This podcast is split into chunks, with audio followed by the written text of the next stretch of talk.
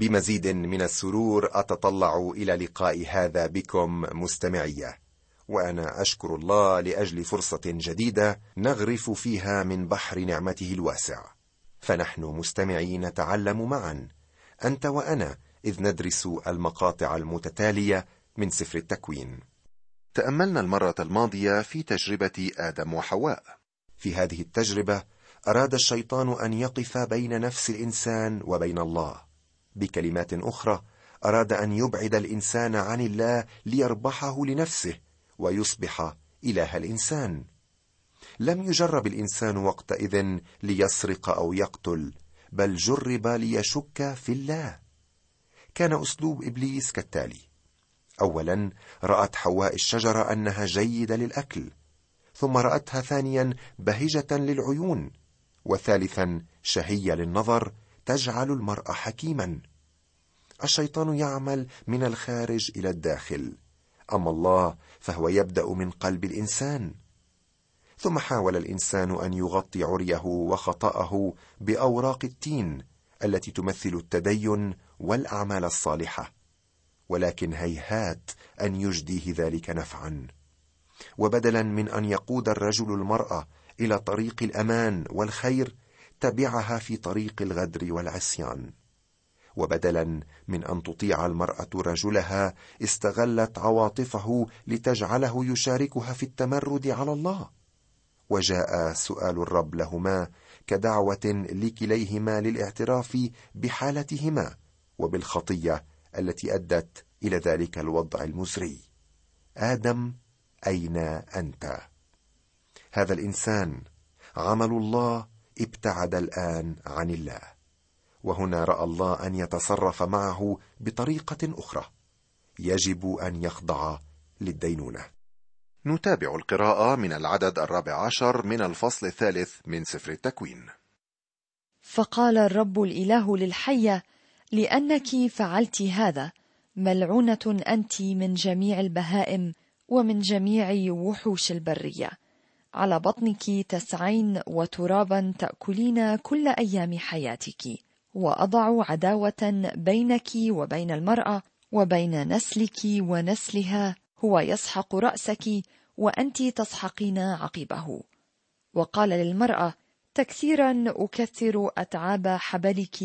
بالوجع تلدين أولادا وإلى رجلك يكون اشتياقك وهو يسود عليك.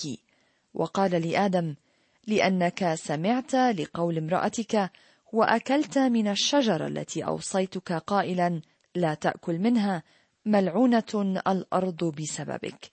بالتعب تأكل منها كل أيام حياتك. وشوكا وحسكا تنبت لك وتأكل عشب الحقل. بعرق وجهك تأكل خبزا حتى تعود إلى الأرض التي أخذت منها. لأنك تراب وإلى تراب تعود. ودعا آدم اسم امرأته حواء لأنها أم كل حي وصنع الرب الإله لآدم وامرأته أقمصة من جلد وألبسهما. وقال الرب الإله هو ذا الإنسان قد صار كواحد منا عارفا الخير والشر. والآن لعله يمد يده ويأخذ من شجرة الحياة أيضا ويأكل ويحيا إلى الأبد. فأخرجه الرب الإله من جنة عدن ليعمل الأرض التي أخذ منها. فطرد الإنسان وأقام شرقي جنة عدن الكروبيم ولهيب سيف متقلب لحراسة طريق شجرة الحياة. ملعونة أنت من جميع البهائم ومن جميع وحوش البرية. على بطنك تسعين وترابا تأكلين كل أيام حياتك. هنا بدأت الحية تزحف على بطنها. كانت هذه دينونة الله لها. لقد أدان الله إبليس مما أثر على الإنسان تاثيرا كبيرا. أرجو يا صديقي أن تحفظ الآية التالية عن ظهر قلب لأنها النبوة الأولى حول مجيء المخلص. وأضع عداوة بينك وبين المرأة وبين نسلك ونسلها. هو يسحق رأسك وأنت تسحقين عقبه وأضع عداوة بينك أي إبليس وبين المرأة وبين نسلك ونسلها أي المسيح الذي سيسحق رأس إبليس. والفكرة العظمى هنا ليس فقط الانتصار الكبير بل الصراع المستمر بين الطرفين. هذه الآية تدل على الصراع المستمر الآن بين الخير والشر. هذا ما تجده في باقي أجزاء الكتاب المقدس. وقد نوه المسيح عن هذا في حياته على الأرض عندما قال أنتم من أب هو إبليس وشهوات أبيكم تريدون أن تعملوا. ذاك كان قتالا للناس من البدء ولم يثبت في الحق لأنه ليس فيه حق. متى تكلم بالكذب فإنما يتكلم مما له لأنه كذاب وأبو الكذاب. لاحظ أن يسوع يفرق بين أولاد الله وأولاد إبليس ويعاود يوحنا ويذكر عن هذا الصراع في رسالته الأولى فيقول بهذا أولاد الله ظاهرون وأولاد إبليس. كل من لا يفعل البر فليس من الله وكذا من لا يحب أخاه. وبعد هذا الصراع المستمر سيأتي النصر العظيم والنهائي. كل إنسان اليوم عليه أن يواجه التجربة وينتصر. قبل أن يأتي المسيح كان الانتصار يأتي عن طريق الطاعة بالإيمان. وبعدما جاء المسيح أعطانا الانتصار بانتصاره هو بالإيمان. وعندما نقبله بالإيمان في حياتنا فإننا نخلص ويصبح انتصاره انتصارنا. الإنسان هو أحد الترتيبات الثلاثة للخلق. الملائكة الإنسان والحيوان. وقد أعطى الله الاختيار للملائكة والإنسان فقط. وهنا نرى اختيار الإنسان الذي تحمل مسؤوليته بالكامل. لقد تحمل نتيجة قراره. لاحظ القول نسلها. لم يقل نسل الرجل. وفي هذا إشارة إلى ولادة المسيح من عذراء. عندما راح الله يبحث عن الإنسان في الجنة قال آدم أين أنت؟ الله بحث عن الإنسان والخلاص عبارة عن بحث الله عن الإنسان وليس العكس. الإنسان هرب من وجه الله والله هو الذي فتش عنه ودعاه. وقد قال أحدهم إنها دعوة البر الإلهي التي لا تتغاضى عن الخطية ودعوة الحزن الإلهي التي تحزن على الخاطئ ودعوة المحبة الإلهية التي تخلص الإنسان من الخطية. كل هذا نجده في هذه الآية العظيمة الخامس عشر من الإصحاح الثالث من سفر التكوين. الوعد بمجيء المخلص للإنسان الساقط. وبحث الله عن الإنسان نجده مصورا في عدة أجزاء من الكتاب المقدس. كتب بولس ليس من يطلب الله. وقال يسوع ليس أنتم اخترتموني بل أنا اخترتكم. كما ونستطيع أن نقول مع يوحنا نحن نحبه لأنه هو أحبنا اولا. نعم الله يبحث عن الإنسان وهو يقدم له الخلاص بالمجان ولكن سيكون هناك صراع دائم في كل مكان. يا لحكمة الله ورحمته. قبل أن ينطق بالحكم على أبوينا الأولين أصدر قضاءه على الحية وعلى مسمع من آدم ولولا ذلك لوقع في بلوعة اليأس. والآن نتحول من قضية الحية إلى كلام الرب مع آدم وحواء. لقد أراد الله أن يتعامل مع ضميرهما كمن كان يحبهما ويعطف عليهما مهما كانت خطيتهما. وقال للمرأة تكثيرا أكثر أتعاب حبلك بالوجع تلدين أولادا وإلى رجلك يكون اشتياقك وهو يسود عليك. هذه هي دينونة المرأة. لا يمكنها أن تنجب الأولاد بدون ألم ووجع. أليس هذا عجيبا مستمعي؟ أن الذي يجلب السعادة إلى العائلة يأتي عن طريق الألم؟ كذلك حكم الرب عليها بالخضوع وللأسف جعل السقوط من هذا الخضوع المفروض مشكلة وخصومة. وقال لآدم لأنك سمعت لقول امرأتك وأكلت من الشجرة التي أوصيتك قائلا لا تأكل منها ملعونة الأرض بسببك بالتعب تأكل منها كل أيام حياتك وشوكا وحسكا تنبت لك وتأكل عشب الحقل بعرق وجهك تأكل خبزا حتى تعود إلى الأرض التي أخذت منها لأنك تراب وإلى تراب تعود. وهذه هي دينونة الرجل لعنة على الأرض. الشوك ينبت ليخنق الثمر الذي يكد ويسعى وراءه. كما ونشتم رائحة الموت الذي سيسود على الإنسان. والموت هو انفصال الروح والنفس عن الجسد. يقول كاتب سفر الجامعة فيرجع التراب إلى الأرض كما كان وترجع الروح إلى الله الذي أعطاها. سيحاسب الإنسان من قبل الله سواء كان مخلصا أم غير مخلص. وآدم لم يمت جسديا عندما أكل من الشجرة بل مات روحيا وانفصل عن الله. وبولس عندما كتب إلى أهل أفسس وقال لهم بأنهم كانوا امواتا بالذنوب والخطايا لم يقصد الموت الجسدي بل الموت الروحي والانفصال عن الله. وفي مثل الابن الضال الذي ضربه المسيح يحكي عن الضال فيقول لأن ابني هذا كان ميتا فعاش وكان ضالا فوجد. أجل كان ميتا ولكن ليس في الجسد بل كان منفصلا عن أبيه. هذا هو الموت في أوضح صوره. قال يسوع لمرثى أنا هو القيامة والحياة. من آمن بي ولو مات فسيحيا. مرة أخرى يا صديقي الموت هنا يعني الانفصال عن الله. وآدم مات روحيا يوم عصى الله وأكل من الشجرة. لهذا السبب هرب من وجه الله. ولهذا السبب خاط أوراق التين ليستر عورته.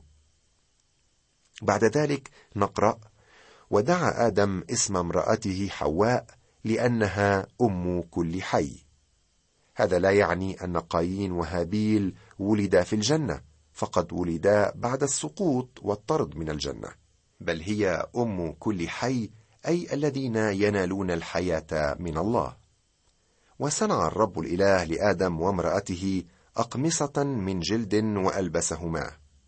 وحتى يحصل الله على جلد الحيوانات كان لابد له أن يذبحها. ومن هنا أتت فكرة الذبيحة في الكتاب المقدس. لقد رفض الله الأغطية التي صنعاها من أوراق التين وألبسهما جلد الحيوان وهكذا سفك الدم من أجل الستر. في الواقع هناك دروس أربعة نتعلمها من استبدال أوراق التين بجلد الحيوان. اولا على الإنسان أن يكون لديه الغطاء اللازم ليقترب من الله. لا يمكنك يا صديقي أن تأتي إلى الله بأعمالك الصالحة بل يجب أن نأتي إليه كما نحن بعرينا وخطيتنا. ثانيا أوراق التين غير مقبولة لأنها من صنع الإنسان. وهذا يأتي بنا إلى الدرس الثالث وأن الله هو الذي يوفر الغطاء اللازم. ورابعا نحصل على هذا الغطاء بواسطة الدم والموت موت المسيح الكفاري على الصليب. على الإنسان أن يحصل على بديل ليأخذ عنه غضب الله. فالأمر الأصعب في حياة الإنسان أن يوجد نفسه بارا أمام الله وهذا مستحيل إذا عمل ذلك من نفسه. الخلاص لا يأتي إلا عندما آخذ مكاني الصحيح كخاطئ أمام الله. وقال الرب الإله هو ذا الإنسان قد صار كواحد منا عارفا الخير والشر. والآن لعله يمد يده ويأخذ من شجرة الحياة أيضا ويأكل ويحيا إلى الأبد. فأخرجه الرب الإله من جنة عدن ليعمل الأرض التي أخذ منها. كل ما يمكنني أن أقوله هنا شكرا لله الذي لم يترك الإنسان يموت إلى الأبد في الخطية بل عمل ما يلزم لخلاصه. أمن لهما كساء الهيا ودبره في نعمته قبل طردهما من الجنة. لقد طردهما وهما مكتسيان. ولئن أغلقت أبواب الجنة في وجهيهما ولكن النعمة فتحت لهما باب السماء. إنها بركة ما بعدها بركة. فطرد الإنسان وأقام شرقي جنة عدن الكروبيم ولهيب سيف متقلب لحراسة طريق شجرة الحياة. هذا لا يعني أن الله وضع العائق أمام الإنسان ليحيا من جديد بل أن الخلاص الآن لا يأتي عن طريق شجرة الحياة بل عن طريق ذبيحة الدم التي ابتدأها الله عندما ذبح حيوانا وغطى بجلده عورة آدم وحواء. أنتقل فورا إلى الأصحاح الرابع. في الأصحاح الثالث رأينا جذور الخطية وفي الأصحاح الرابع سنرى ثمار الخطية. في هذا الأصحاح لا نرى تسمما غذائيا حصل لدى الإنسان من جراء أكل الثمر بل أكثر من ذلك. سنرى خطورة الأمر ليس عليه فقط بل وعلى البشرية جمعاء. فبسبب عصيان آدم أتت الدينونة عليه وعلى الجنس البشري بأكمله لأننا نحن نسل آدم وذريته من نفس طبيعته وها آدم يورثنا كلنا طبيعة فاسدة. هذا ما سنراه في قصة ولدي آدم وحواء. ستقرأ لنا الأخت ميسون الآن الأعداد الخمسة الأولى من الأصحاح الرابع من سفر التكوين. وعرف آدم حواء امرأته فحبلت وولدت قايين وقالت اقتنيت رجلا من عند الرب. ثم عادت فولدت أخاه هابيل وكان هابيل راعيا للغنم وكان قايين عاملا في الأرض. وحدث من بعد أيام أن قايين قدم من أثمار الأرض قربانا للرب وقدم هابيل أيضا من أبكار غنمه ومن سمانها فنظر الرب إلى هابيل وقربانه ولكن إلى قايين وقربانه لم ينظر. فاغتاظ قايين جدا وسقط وجهه. هنا نرى تاج الخليقة مطرودا من الجنة. وعرف آدم حواء امرأته فحبلت وولدت قايين وقالت اقتنيت رجلا من عند الرب. هذا يدل على أن آدم وحواء لم يتوقعا أن تطول مدة الصراع بين إبليس ونسل المرأة. من أجل ذلك قالت أنها قد اقتنت رجلا من عند الرب ليسحق رأس الحية ولكن لم يكن قايين هو نسل المرأة. كان مجرما وليس مخلصا. لقد تسرعت حواء في حكمها. لم يحن الوقت بعد لقدوم المخلص الإله الحق والحياة الأبدية. ولمدة ستة آلاف سنة والصراع دائر بين نسل المرأة ونسل الحية. ثم عادت فولدت أخاه هابيل وكان هابيل راعيا للغنم وكان قايين عاملا في الأرض وهنا نرى أنها تعلمت درسا في تسميتها هابيل أي باطل. فقد اختبرت في نفسها أن توقعاتها من قايين كانت باطلة وفارغة واقتنعت أنه ليس المسيح. قايين وهابيل. هذان هما الولدان اللذان سنتأمل في حياتهما الآن. وحدث من بعد أيام أن قايين قدم من أثمار الأرض قربانا للرب. المعنى الأصلي لبعد أيام هو في نهاية الأيام والمقصود هنا يوم السبت أو الراحة. وهنا نرى قايين يقدم قربانا لله. لم تكن أية شريعة في ذلك الوقت عن العبادة.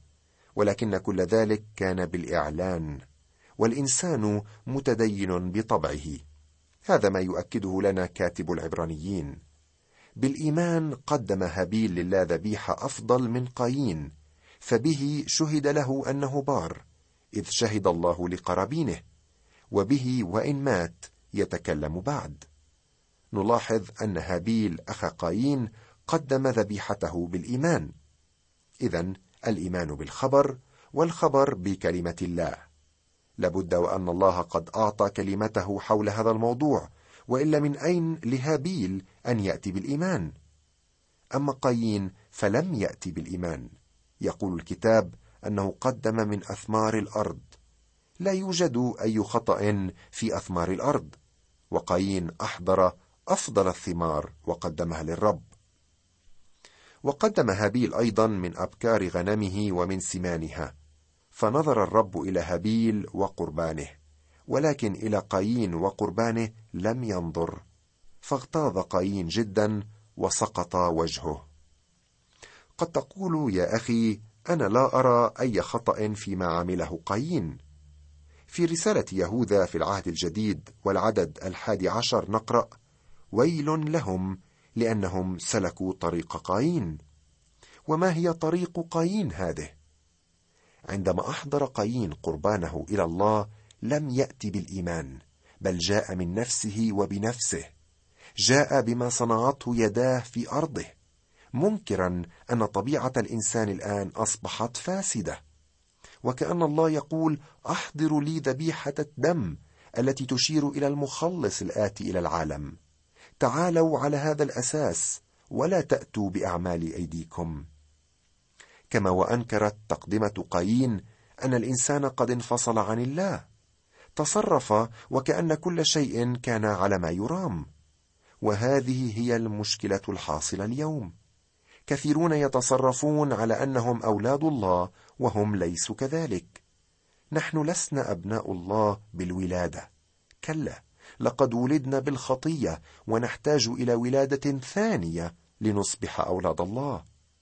الإنسان منفصل عن الله وقايين لم يدرك ذلك والملايين اليوم ترفض أن تعترف بذلك. الأمر الثالث الذي أنكرته تقدمة قايين أن الإنسان لا يمكنه أن يقدم اعمالا لله. يقول الكتاب المقدس لا بأعمال في بر عملناها نحن بل بمقتضى رحمته خلصنا بغسل الميلاد الثاني وتجديد الروح القدس. الفرق بين قايين وهابيل لم يكن في الأشخاص بل في التقديمات والقرابين التي قدموها. ليس في من قدم بل ما قدم. فقد كانت لهما نفس الخلفية وهم من نفس الأصل يعيشون في نفس البيئة. لا تقل لي أن قايين ورث طبيعته هذه من جد سكير مشاكس فلم يكن له جد أصلا. كذلك هابيل لم يأخذ صفات جدة طيبة. كانت لهما نفس الظروف والأحوال. الفرق الوحيد كان في طبيعة التقديمات التي قدموها للرب. وهذا الفرق نراه اليوم.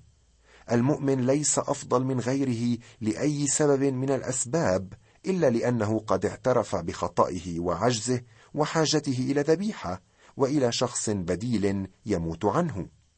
يقول الرسول بولس عن المسيح الذي قدمه الله كفارة بالإيمان بدمه.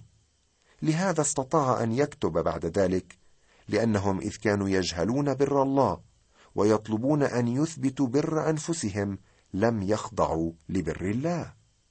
هذه صوره ملايين الناس اليوم. فهم يحاولون من خلال التدين والأعمال الصالحة أن يجعلوا أنفسهم مقبولين أمام الله. إن بر الله الكامل لا يمكن أن يأتيك يا صديقي إلا من خلال عمل المسيح الكامل الذي أسلم من أجل خطايانا وأقيم لأجل تبريرنا. هو الذي أخذ مكاننا لأنه جعل الذي لم يعرف خطية خطية لأجلنا. لنصير نحن بر الله فيه. يتابع بولس ويقول في رسالته إلى أهل فيليبي لكي أربح المسيح وأوجد فيه وليس لي بري الذي من الناموس بل الذي بإيمان المسيح.